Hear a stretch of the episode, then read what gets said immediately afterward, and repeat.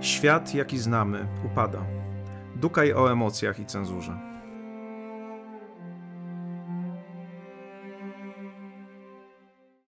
Bohaterem dzisiejszego odcinka jest Jacek Dukaj. Jacek Dukaj, którego możecie znać, ponieważ jest on oczywiście wybitnym pisarzem science fiction, jest fantastycznym autorem literatury fantastycznej.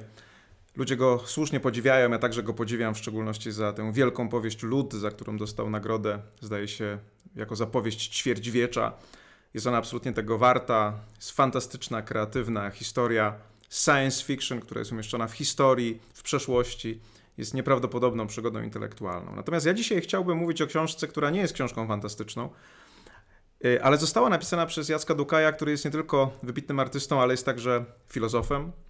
Jest po prostu mądrym człowiekiem. Napisał on książkę, esej zatytułowaną Po piśmie w której analizuje to, w jaki sposób zmienia się nasz świat, w jaki sposób zmienia się sposób poznawania tego świata w związku ze zmianą technologiczną, w szczególności ze zmianą dotyczącą internetu, jego wszechobecności i naszego dostępu do nich. I chciałbym Wam dzisiaj o tej książce opowiedzieć, bo ona zrobiła na mnie po pierwsze bardzo duże wrażenie. Uważam, że Jacek Dukaj w tej książce pokazał wgląd, który jest potężniejszy niż wgląd Harariego w to, co się dzieje współcześnie. No ma ten pech że pisze po polsku, w związku z tym nie jest tak jak on znany, ale uważam, że naprawdę tam pokazuje coś bardzo, bardzo ważnego i mi to bardzo pomogło. Tam jest wiele aspektów, ale chcę Wam opowiedzieć dzisiaj o, jednej, o jednym z nich, który znowu jest aspektem dotyczącym człowieka, społeczeństwa, funkcjonowania w tym społeczeństwie, ale z drugiej strony rzutuje na to, jak funkcjonuje państwo i jak funkcjonuje społeczeństwo, w szczególności jak funkcjonuje e, prawo. Dlaczego w ogóle Dukaj pisze o tym, że zmiana technologii tego, jak poznajemy świat, wpływa na nasze postrzeganie świata, na nasze myślenie. To jest stara myśl. To jest myśl, która pojawia się u wielu autorów, u Waltera Onga na przykład, u Jacka Goody'ego, jest wielu takich autorów, którzy w szczególności analizowali coś, co się kiedyś ludzkości zdarzyło, mianowicie przejście od tak zwanej kultury oralnej, y, kultury, w której nasza komunikacja była oparta na mowie, do kultury pisma. Znowu, mogłoby się wydawać, że to jest tylko drobna zmiana. Otóż była to zmiana wielka, która, jak wszyscy ci autorzy pokazują, wpłynęła na nasz sposób myślenia. Jak? W szczególności w taki sposób, że kiedy myśleliśmy mową, byliśmy bardziej konkretni, byliśmy bardziej przyzwyczajeni do szczegółu, do konkretu, a kiedy pojawiło się pismo, kiedy pojawił się alfabet, nagle udało nam się myśleć bardziej abstrakcyjnie. Pozwólcie, że, że to wyjaśnię. Zobaczcie, kiedy mówimy kiedy zdarza się mowa, tak jak teraz, chociaż to jest oczywiście nagrywane, więc już jest oszustwo, kiedy mówimy do siebie, to ta mowa się pojawia i znika. W tym sensie jest ona zależna, jest ona zdarzeniem, jest ona zależna od czasu i miejsca i potem jej już nie ma. Trzeba na nią zareagować tu i teraz. Zawsze mówi konkretny człowiek, to co mówi jest z nim związane, więc trudno jest bardzo oddzielić ten kontekst od, od tych słów. Kiedy jednak mowa zostaje zapisana albo w formie pisma, albo w formie nagrania, to ona się jakby odrywa od tego człowieka. Znaczy, po pierwsze, odrywa się od tego momentu i wędruje w czasie. Będziecie oglądali ten film oczywiście w innym momencie niż ja go nagrywam. Być może, jeżeli YouTube nie upadnie, internet nie upadnie, będziecie mogli go obejrzeć za 10 lat, może nawet za 20 lat. Y, być może ktoś będzie mógł obejrzeć tę moją wypowiedź, kiedy mnie już nie będzie, a więc zupełnie oderwie się moje słowo od, ode mnie. No więc mamy od, oderwanie od konkretnego momentu, coś staje się bardziej ogólne, może się pojawiać w nowych kontekstach. Popatrzcie na przykład na alfabet, kiedy nagle zapisujemy litery, no to nam się wydaje oczywiste, ale pomyślcie o człowieku, który nie umie pisać, on tylko słyszy dźwięki, słyszy ciągi dźwięków i nie umie tak naprawdę w nich czegoś wyróżnić czegoś, co jest powtarzalne, czyli słyszy egzemplarze wypowiedzi, ale nie słyszy typów wypowiedzi, bo litera, słowo w słowniku jest jakby wyciągnięte z praktyki, trochę tak jak motyl, którego przypniemy szpilką, już nie jest żywym motylem funkcjonującym gdzieś w rzeczywistości, tylko jest przykładem. Coś z konkretnego staje się bardziej ogólne. Kiedy posługujemy się językiem, to jest dla nas normalne, także w mowie. Pomyślcie, ile razy w życiu użyliście słowa pies w odniesieniu do jakiejś rzeczywistości. I do jamnika, i do jakiegoś wielkiego doga, prawda? Te sytuacje były różne, a wasza umiejętność mówienia powodowała, że powinni, potrafiliście te konkretne sytuacje uogólnić do jakichś cech wspólnych. Tak? Ten wspólny mianownik, te cztery nogi, szczekanie, y, jakieś inne jeszcze cechy, nazywaliście słowem pies. To oznacza, że nasze w ogóle nasze posługiwanie się językiem jest abstrakcją, jest wyciągnięciem czegoś, co ogólne z czegoś, co konkretne, a już pismo w stosunku do mowy jest już w ogóle oderwaniem od miejsca i czasu, przeniesieniem na jakiś poziom abstrakcyjny. Mówi się, że wymyślenie alfabetu nie bez przyczyny poprzedzało wielki rozwój filozofii greckiej na przykład i w ogóle wymyślenie pisma przyspieszyło naszą umiejętność funkcjonowania w świecie, bo one bardzo wpłynęły na naszą zdolność abstrakcji. Są takie badania w Kazachstanie kiedyś prowadzone, w odniesieniu do plemion, które były w połowie jeszcze w fazie oralnej, czy swojego rozwoju nie umiały pisać, a niektórzy członkowie już potrafili pisać. I tam ta różnica między konkretem a abstrakcją jest bardzo mocno widoczna. Kiedy tym ludziom, którzy nie potrafili pisać, pokazywano okrąg narysowany na kartce, pytając co to jest, odpowiadali konkretem. Mówili talerz, księżyc, e, koło uwozu. Kiedy ten sam okrąg pokazywano ludziom, którzy potrafili pisać, mówili okrąg, koło, czyli potrafili wyciągnąć cechę kolistości, bycia okręgiem z konkretnych sy y, sytuacji. Y, rozwój pisma jest dla nas tak bardzo ważny, bo właśnie on nam pozwala między innymi być bardziej analitycznym. Y, kiedy ja mówię i to, tego nie nagrywam, albo nikt tego nie zapisuje, to te słowa ulotnią się, już nikt nie będzie mógł do nich wrócić i na przykład powiedzieć, że w, w, moim zdaniu numer 134 powiedziałem coś sprzecznego w stosunku do zdania numer 3. Jeżeli to zapiszę, taka analiza jest możliwa. Ktoś przeczyta zdanie numer 134, wróci do zdania 3 i powie: Panie Matczak, tutaj jest sprzeczność. Taka analiza wypowiedzi w mowie nie jest możliwa, albo przynajmniej jest utrudniona. Dopiero pismo pozwala nam być bardziej analitycznym. Dlaczego o tym wszystkim mówię?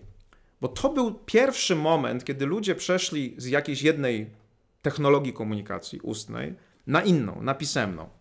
I to zmieniło nasze myślenie, i to zmieniło nasz świat. To spowodowało, że zaczęliśmy myśleć regułami, czymś, co jest abstrakcyjne, czymś, co jest wspólnym mianownikiem, czymś, co jest bardziej ogólne. To pozwoliło, jak mówi Dukaj, rozwinąć się takim praktykom, które możemy określić mianem praktyk opartych na logosie, czyli właśnie na słowie, na idei. Taką praktyką jest między innymi prawo. Pozwoliło też rozwinąć się pewnym systemowym takim, takim y, praktykom, y, jak y, właśnie ustawy, regulacje, które mają charakter bardzo ogólnych reguł, abstrakcyjnych reguł, które stosują się do wszystkich. Odeszliśmy od kazuistyki, który był jeszcze znany w przeszłości. Ale teraz dochodzimy do punktu najważniejszego, bo to jest przecież wszystko przeszłość. A Dukaj jest najlepszy wtedy, kiedy analizuje teraźniejszość. Dukaj mówi, teraz mamy następną zmianę. Na czym polega ta zmiana? Powoli odchodzimy od pisma, dlatego jego esej nazywa się Po piśmie. Jest to zresztą problem dla pisarza, który pisze o tym, że odchodzimy od pisma, ale Dukaj ma oczywiście pełną świadomość tego. Więc Dukaj mówi, odchodzimy od pisma, odchodzimy od słowa, odchodzimy od logosu. Dlaczego? Dlatego, że wchodzimy w erę, jak ją nazywa, niezapośredniczonego y, postrzegania rzeczywistości. O co mu tutaj chodzi? Pomyślcie na przykład, jak wyglądało życie ludzi w XIX wieku, kiedy nie było radia, telewizji, nie było internetu i na przykład ktoś opowiadał jakąś historię. Mógł to zrobić wyłącznie za, za pośrednictwem słów. No po prostu do nich mówił, opisywał, te słowa wpływały na ich umysł, oni sobie to jakoś wyobrażali i wtedy przeżywali emocje. Ktoś opowiadał im wiem, historię Kmicica, więc byli najpierw wściekli, później byli zadowoleni, rozśmieszeni, wystraszeni. Każda ich emocja była zapośredniczona słowem. Później było podobnie, nawet wtedy, kiedy rozwinęło się radio, to było jednak tylko słowo, mowa. Już telewizja była przejściem w takim kierunku, który y, słowa mniej potrzebował, dlatego że mógł pokazać obraz. I wtedy ludzie nie mieli słowa, które pośredniczy między obrazem a emocją. Widzieli na przykład coś strasznego, nie? zwycięstwo E, przegraną e, kogoś albo zwycięstwo czyjeś, na przykład zwycięstwo nie wiem, aliantów w czasie II wojny światowej, e, mogli przeżywać radość. Nie było słowa, mogli widzieć, mogli widzieć tylko obraz. Dukaj mówi na przykład o tym, że kiedyś Malarstwo, także realistyczne, było przecież bardzo popularne. Wraz z wynalezieniem fotografii stało się niepotrzebne, dlatego że fotografia potrafi idealnie odebrać obraz i pokazać nam go. I znowu nie musimy mieć słowa, które opisuje zdjęcie, bo po prostu widzimy zdjęcie, więc przeżywamy emocje. Słowo znika pomiędzy komunikacją a emocją. Emocje, przeżywanie nie jest już zapośredniczone przez słowo. No i możemy powiedzieć, co z tego? No nic, no na przykład rozwija się Instagram, gdzie komunikacja jest właściwie komunikacją obrazkową i słów jest niewiele. Ja nieraz obserwuję to nowe dla mnie medium. Tak jak na przykład na Facebooku ludzie oczywiście publikują obrazki, ale jest dużo słowa, są spore posty. Na przykład na Instagramie właściwie jest tak: obrazek, serduszko, ręka. Tak? Obrazek, serduszko, ręka. Same obrazy, hieroglify można powiedzieć, a więc nie ma słowa, jest go coraz mniej. Twitter oczywiście też jest oparty na słowie, ale nawet skrócenie liczby znaków, które tam występuje, powoduje, że tego słowa w naszej komunikacji jest coraz mniej. I teraz co się z tym wiąże?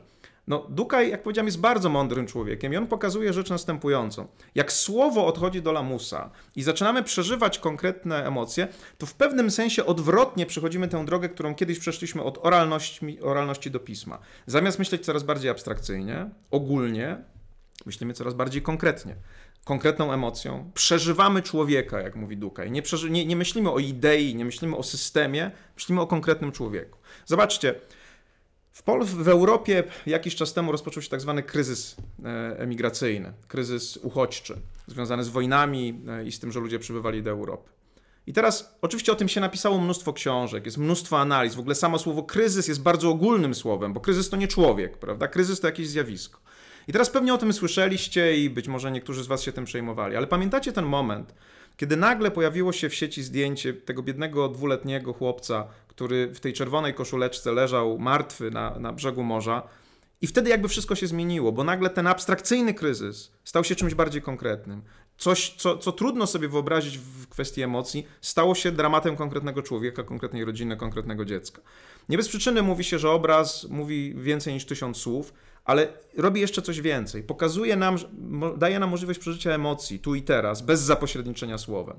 Ale te emocje powodują, że my zaczynamy myśleć przez konkretnego człowieka, przez konkretne emocje, czyli schodzimy z tej abstrakcji.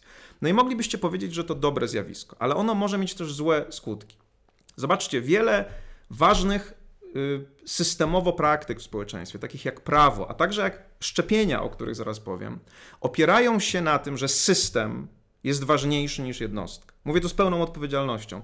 Te koncepcje, takie jak prawo, czy takie jak na przykład system szczepień, opierają się na założeniu, że systemowe, ogólne efekty dobre dla społeczeństwa są ważniejsze niż nawet nieraz indywidualne cierpienie. To jest brutalne, ale popatrzcie na to, najlepiej to wyjaśnić na przykładzie szczepień. Szczepienia pozwoliły nam uchronić się od wielu straszliwych chorób. Nie ma w ogóle żadnej wątpliwości co do tego. Jednocześnie wiemy o tym, że szczepionki, jak każde produkty lecznicze, mają, środki, mają skutki uboczne. Nieraz zdarza się ktoś, że, to, że ktoś przeżywa e, ciężkie powikłanie, nieraz nawet śmierć po przyjęciu e, szczepionki. Kiedyś, kiedy myśmy myśleli głównie słowem, kiedy obrazów, cierpień indywidualnych ludzi nie widzieliśmy tak bezpośrednio jak teraz, Łatwiej było nam zaakceptować myśl, że system, który chroni społeczeństwo przed chorobami, daje tę odporność stadną, jest ważny. Teraz bardziej myślimy tymi konkretami. Widzimy konkretne cierpienie konkretnych ludzi i zaczynamy się coraz bardziej temu systemowi sprzeciwiać, bo myślimy bardziej konkretem, nie abstrakcją. I to nam zaburza postrzeżenie. Zobaczcie ostatnio te informacje na temat szczepionek, które podobno yy, yy, powodują zakrzepicę. Oczywiście powodują w niektórych przypadkach. Nikt nie zwraca uwagi na to, że palenie papierosów powoduje zakrzepicę o wiele, o wiele częściej niż szczepionki. Że środki anty, antykoncepcyjne powodują zakrzepicę o wiele, o wiele częściej. Że COVID powoduje zakrzepicę setki tysięcy razy częściej niż y, szczepionka. Bo nie myślimy systemowo, myślimy konkretem. Z prawem jest podobnie. Prawo jest systemem w tym sensie, że nie, nie gwarantuje, że zawsze na przykład sąd da e, rozstrzygnięcie konkretne, dobre, sprawiedliwe. Nieraz pojawiają się błędy, tak jak w systemie szczepień. Ale ludzie są teraz bardziej zainteresowani tymi błędami niż systemem. Trochę tak, jak kiedy latamy samolotem, nie obchodzi nas to, że 99,9% podróży lotniczych kończy się szczęśliwie, że jest to o wiele bezpieczniejszy środek transportu niż jeżdżenie samochodem. Myślimy o tej katastrofie, która się zdarzy raz na parę lat, bo to nas przeraża, to jest emocja, to jest konkret. Są ludzie, którzy nam w systemach pokazują tylko katastrofy, a nie to dobro. Pokazują nam tylko samoloty, które spadły, a nie te, które doleciały. Pokazują nam nieszczęśliwych ludzi, którzy są zdrowi dlatego, że się zaszczepili, tylko tych, którzy mieli powikłania. I pokazują nam na przykład nie dobrych sędziów, uczciwych, tylko tych dwóch, jednego, który ukradł kiełbasę, drugiego, który ukradł kawałek wiertarki. Albo pokazują nam niesprawiedliwe przypadki, które oczywiście się zdarzają, a nie pokazują nam tych sprawiedliwych, których wszyscy rozumieją, że tak trzeba było kwestię rozstrzygnąć. I teraz zobaczcie, to jest niezwykle interesujące, bo Dukaj w pewnym sensie diagnozuje nam kryzys, z którym mamy do czynienia. Coraz trudniej jest ludzi przekonać, że system jest ważny, że, że ten porządek abstrakcyjny jest ważny. Każdy zwraca uwagę na jakąś konkretną osobę, na jej konkretne cierpienie. Łatwiej jest populistom, Trudniej jest ludziom, którzy racjonalnie myślą. To trochę uzasadnia te kryzysy. Kiedyś miałem wykład dotyczący praworządności. Wiecie, praworządność też jest abstraktem też jest abstraktem. My dopiero zaczęliśmy rozumieć być może takie abstrakty jak Trybunał Konstytucyjny, praworządność, kiedy to wszystko zeszło na dół i doszło do konkretu. Wtedy, kiedy została wydana decyzja aborcyjna Trybunału, kiedy nagle ludzie zobaczyli, że te abstrakcyjne kwestie mogą mieć wpływ na ich konkretne życie. Natomiast wtedy, kiedy my, prawnicy, mówimy o praworządności, ludzie mówią, skończcie gadać, to jest abstrakcyjne, nikt tego do, do, do, do garnka nie włoży, w ogóle po, po co o tym gadać? Oczywiście jest nam trudniej wtedy walczyć z populistami. Ale jak mówię, miałem kiedyś wykład, gdzie mówiłem o tych rzeczach i to była akurat sala w takim budynku, w którym był pan portier i on oczywiście musiał czekać, chyba nie był za bardzo zadowolony z tego, że ja mówię tak długo i on musi zostać jeszcze jakiś czas. Ale jak wyszedłem, zaczęliśmy rozmawiać i on w pewnym sensie powiedział właśnie tak. Wie pan co, to takie trochę chrzanienie, co pan opowiada. Nie mówi pan tutaj jakieś abstrakcje, są konkretne losy konkretnych ludzi, którzy, których sąd skrzywdził, którzy właśnie zostali, mają, stali się ofiarami niesprawiedliwych wyroków. Trzeba to wszystko zmienić. Trzeba to wszystko zmienić. Jarosław Kaczyński ma rację, to w ogóle trzeba z tym zrobić porządek. Zaczęliśmy rozmawiać, no i ja wtedy zacząłem z nim rozmawiać w pewnym sensie o tym problemie system, jednostka, abstrakcja, konkret. I, I, wtedy zawsze zadaję takie pytanie, niech pan sobie wyobrazi, że ma pan na przykład ojca, który włamał się do apteki po to, żeby ukraść leki dla swojego dziecka, bo nie miał na nie pieniądze. Czy uważa pan, że on zrobił źle, że ukarałby go pan? No i wtedy ten pan portier mówi, no nie, no rozumiem go, sam jestem ojcem, nie? Pewnie bym tak samo zrobił. No dobrze, mówię dalej, a gdyby miał pan odpowiedzieć na takie, pyta na takie pytanie, a gdyby wszyscy, którzy są w potrzebie, włamywali się do sklepów, włamywali się do aptek, to zaakceptowałby pan to? Mówi, nie, no nie, absolutnie nie, przecież to w ogóle żyć się by nie dało. No widzicie, to jest właśnie ta różnica. Konkret to jest ta sytuacja tego ojca, konkretnej osoby, która kradnie y, czy włamuje się dla jakiegoś dobra. I kiedy ten konkret, widzimy ten konkret, to jesteśmy nawet w stanie powiedzieć, nie, to, to jest zrozumiałe. Ale kiedy przeniesiemy to na ogół zachowań, to wiemy, że to jest niedopuszczalne. Czyli jak przejdziemy z konkretu na system, na ogół, to wiemy, że to jest niedopuszczalne. Tego nas uczy imperatyw kategoryczny y, Immanuela Kanta, który mniej więcej brzmi tak, Postępuj tylko według takiej maksymy, czyli takiej jakby twojej indywidualnej, konkretnej zasady, co do której jednocześnie byś chciał, żeby stała się prawem uniwersalnym, czyli żeby wszyscy tak postępowali. Wiemy, że tego się nie da zrobić. Tak? Y, kiedy widzimy ojca, mówimy, no, okej, okay. ale jakbyśmy mieli to przenieść na system na ogół, mówimy nie. Kiedy widzimy kogoś, kto ma powikłania poszczepiące, powiemy, no nie, kurczę, coś jest nie tak z tymi szczepionkami. Ale kiedy zapytamy siebie, no dobrze, ale to znaczy, że mamy nie szczepić? No to wtedy przychodzimy na system i mówimy, no nie, musimy szczepić, bo inaczej choroby wrócą i znowu będziemy cierpieć. To jest trudne zagadnienie, które Dukaj dokładnie, bardzo precyzyjnie diagnozuje. Moim zdaniem ma rację. Nie wiem, jakie z tego płyną konsekwencje, no bo właściwie jako prawnik powinienem być załamany. Mój system, prawo, przestaje być dla ludzi ważne. Gdybym był lekarzem, powinien być załamany. System szczepień dla ludzi przestaje być ważny, konkret zaczyna być y, kluczowy. Nie wiem, nie mam dobrej odpowiedzi. Może wy macie, może wy się na tym zastanowicie. Być może to jest tak, że trzeba zacząć opowiadać indywidualne historie, które są historiami dobrymi. Y, telewizja to robi, no wiecie, jak telewizja wyjaśnia abstrakcyjny problem inflacji? Nie językiem ekonomicznym, tylko mówi: Pani Basia zrobiła dzisiaj swoje codzienne zakupy, kupiła kajzerki, serek i masełko, no ale nagle zapłaciła więcej niż zwykle. Czyli zobaczcie, konkretem wyjaśniają abstrakt. Wydaje mi się, że tak też trzeba mówić o abstraktach. Trzeba mówić językiem, który uderza w, tę, w te, te poczucie emocji, konkretu. To, to jest bardzo ważne. Podsumowując, Jacek Duka jest bardzo mądrym człowiekiem. Mówi nam, że zmiany w postrzeganiu świata, to, że słowo przestaje być ważne, kontakt z obrazem mm, staje się ważny, powoduje, że nasze emocje, nasze wrażenia są niezapośredniczone przez słowo, przez logos tak zwany, przez racjonalność. Emocji jest coraz więcej, konkretu jest coraz więcej, systemu i abstrakcji jest coraz mniej. To stanowi zagrożenie dla pewnych systemów oświeceniowych, praktyk oświeceniowych, takich jak prawo, jak właśnie szczepienia, o których mówiłem, wiele, wiele innych, dlatego że ludzie są bardziej podatni na emocje, na populizm, myślą konkretem, losem konkretnego człowieka, nie abstrakcją. Naszą wspólną odpowiedzialnością jest zastanowić się, co z tym wszystkim e, zrobić. Natomiast w zakończeniu tego filmu chcę jeszcze odnieść się do jednej kwestii. Y, bo Jacek Dukaj napisał także jakiś czas temu w Gazecie Wyborczej tekst, który mnie trochę zaniepokoił. No, niestety, nawet jeżeli ktoś jest bardzo, bardzo mądry, nieraz pisze rzeczy błędne i niebezpieczne. Odpowiedziałem na ten tekst y, w ostatnim tygodniu, także chcę Wam z, jakby streścić tę dyskusję, bo wydaje mi się, że ona jest ważna.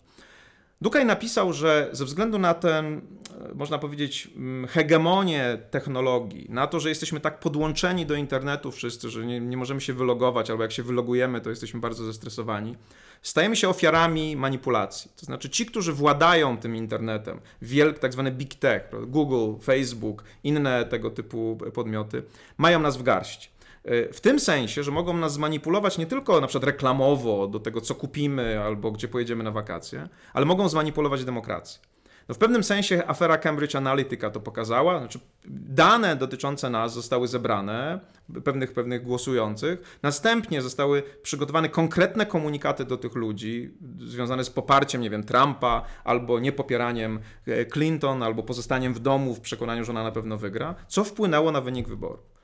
Jacek Dukaj mówi, to jest groźne, bo to oznacza, że demokracja taką, jaką znamy, jest w niebezpieczeństwie. Może zostać schakowana, jakby z zewnątrz. Ludzie mogą się nam włamać do umysłów i spowodować, że będziemy działać inaczej. Demokracja stanie się pusta, bo będzie nam się wydawało, że wybieramy kogoś, na kogo chcemy głosować, a tak naprawdę będziemy wykonywali posłusznie polecenia wielkiego brata, który siedzi gdzieś tam w internecie i nami steruje.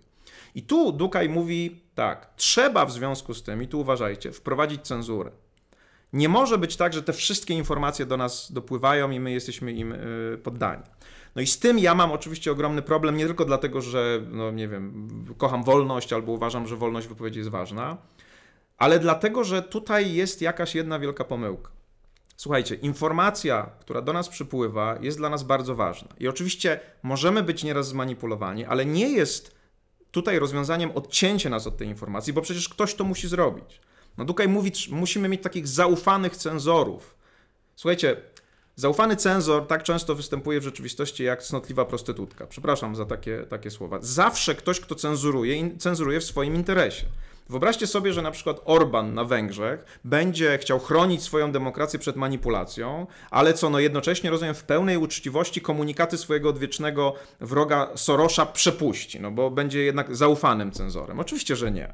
Czy Erdogan będzie chronił Turcję przed schakowaniem, ale nauczania Gülena, także swojego wroga, y, będzie propagował? No oczywiście, że tak nie będzie. Będzie chronił siebie, będzie chronił swój interes polityczny. To jest problem, dlatego że Dukaj zdaje się uważać, że cenzura jest jakimś rozwiązaniem. Otóż nie, nie jest cenzura rozwiązaniem z jednego podstawowego powodu. Zawsze każda nowa technologia, i alfabet, i pismo, powodowało strach. Na przykład Platon się obawiał, że wprowadzenie pisma ludzi ogłupi, że ludzie nie będą pamiętać już nic, bo wszystko będzie zapisane.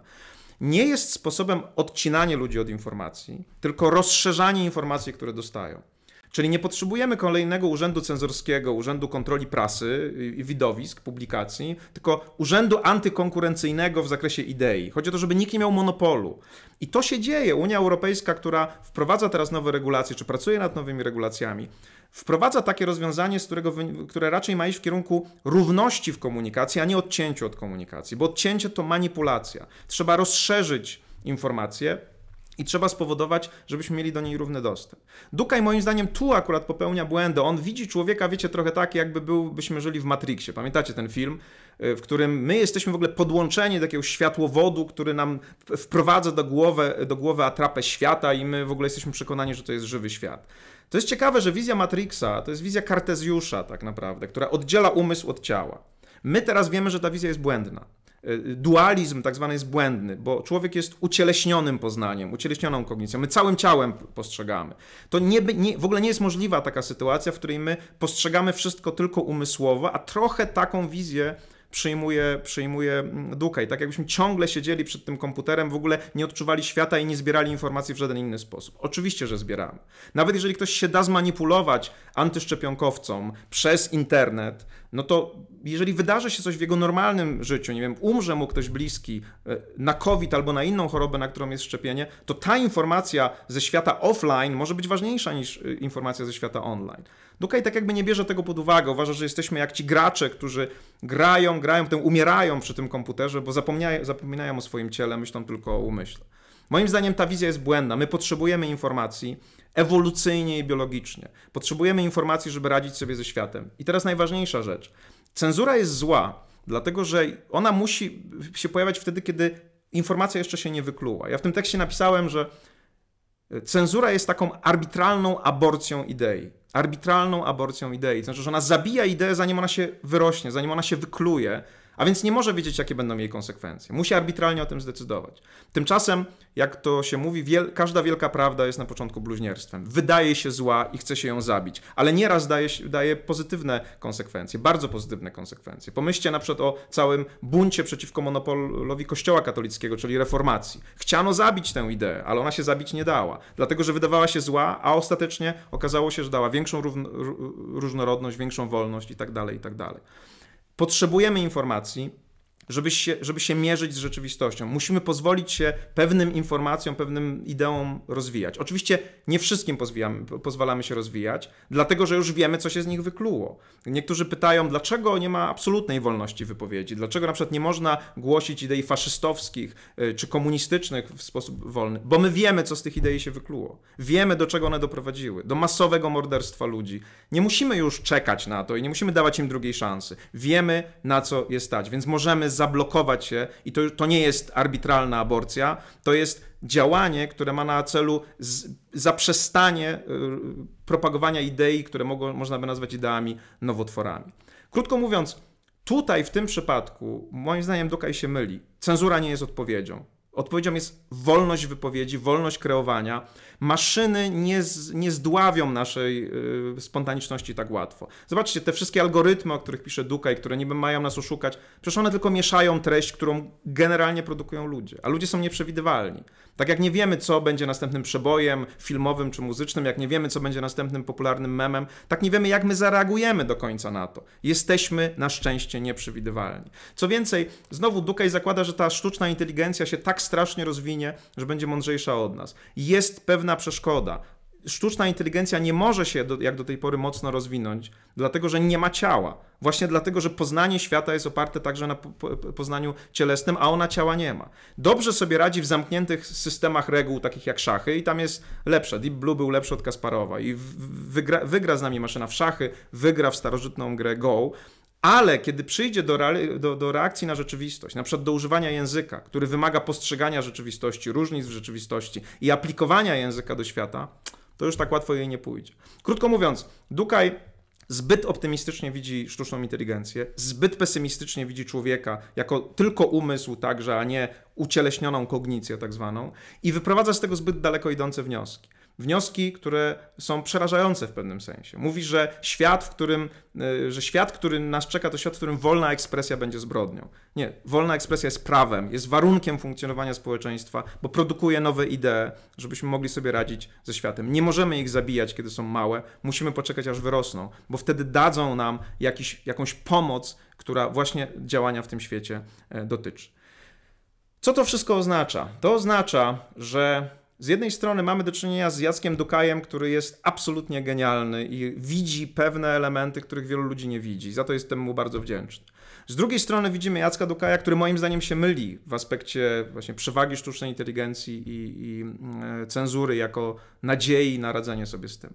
To jest kolejny kamyczek do naszej dyskusji, że nikt nie ma absolutnej racji. E, są ludzie, którzy w jednej kwestii mówią rzeczy genialne, w innych y, kwestiach y, mówią rzeczy błędne i każdy do, tego, do, tej, do tej grupy należy. Oczywiście i ja należę, i wy należycie, więc nie ma co być zbyt pewnym, że moje idee są bardzo mądre. Ale powinniśmy być w szczególności wdzięczni autorom, którzy prześwietlają rzeczywistość, którzy widzą dalej, widzą, widzą lepiej niż my. Jacek Dukaj jest zdecydowanie takim autorem. Jeżeli zainteresowały Was tematy, o których mówiłem, zachęcam do tego, ażebyście włączyli się do dyskusji. Zostawcie koniecznie komentarz, przedstawcie swoją opinię. Możecie także zdecydować się na subskrypcję tego kanału. Będzie mi bardzo miło, bo wtedy będziecie mieć łatwiejszy dostęp do kolejnych odcinków. Zachęcam.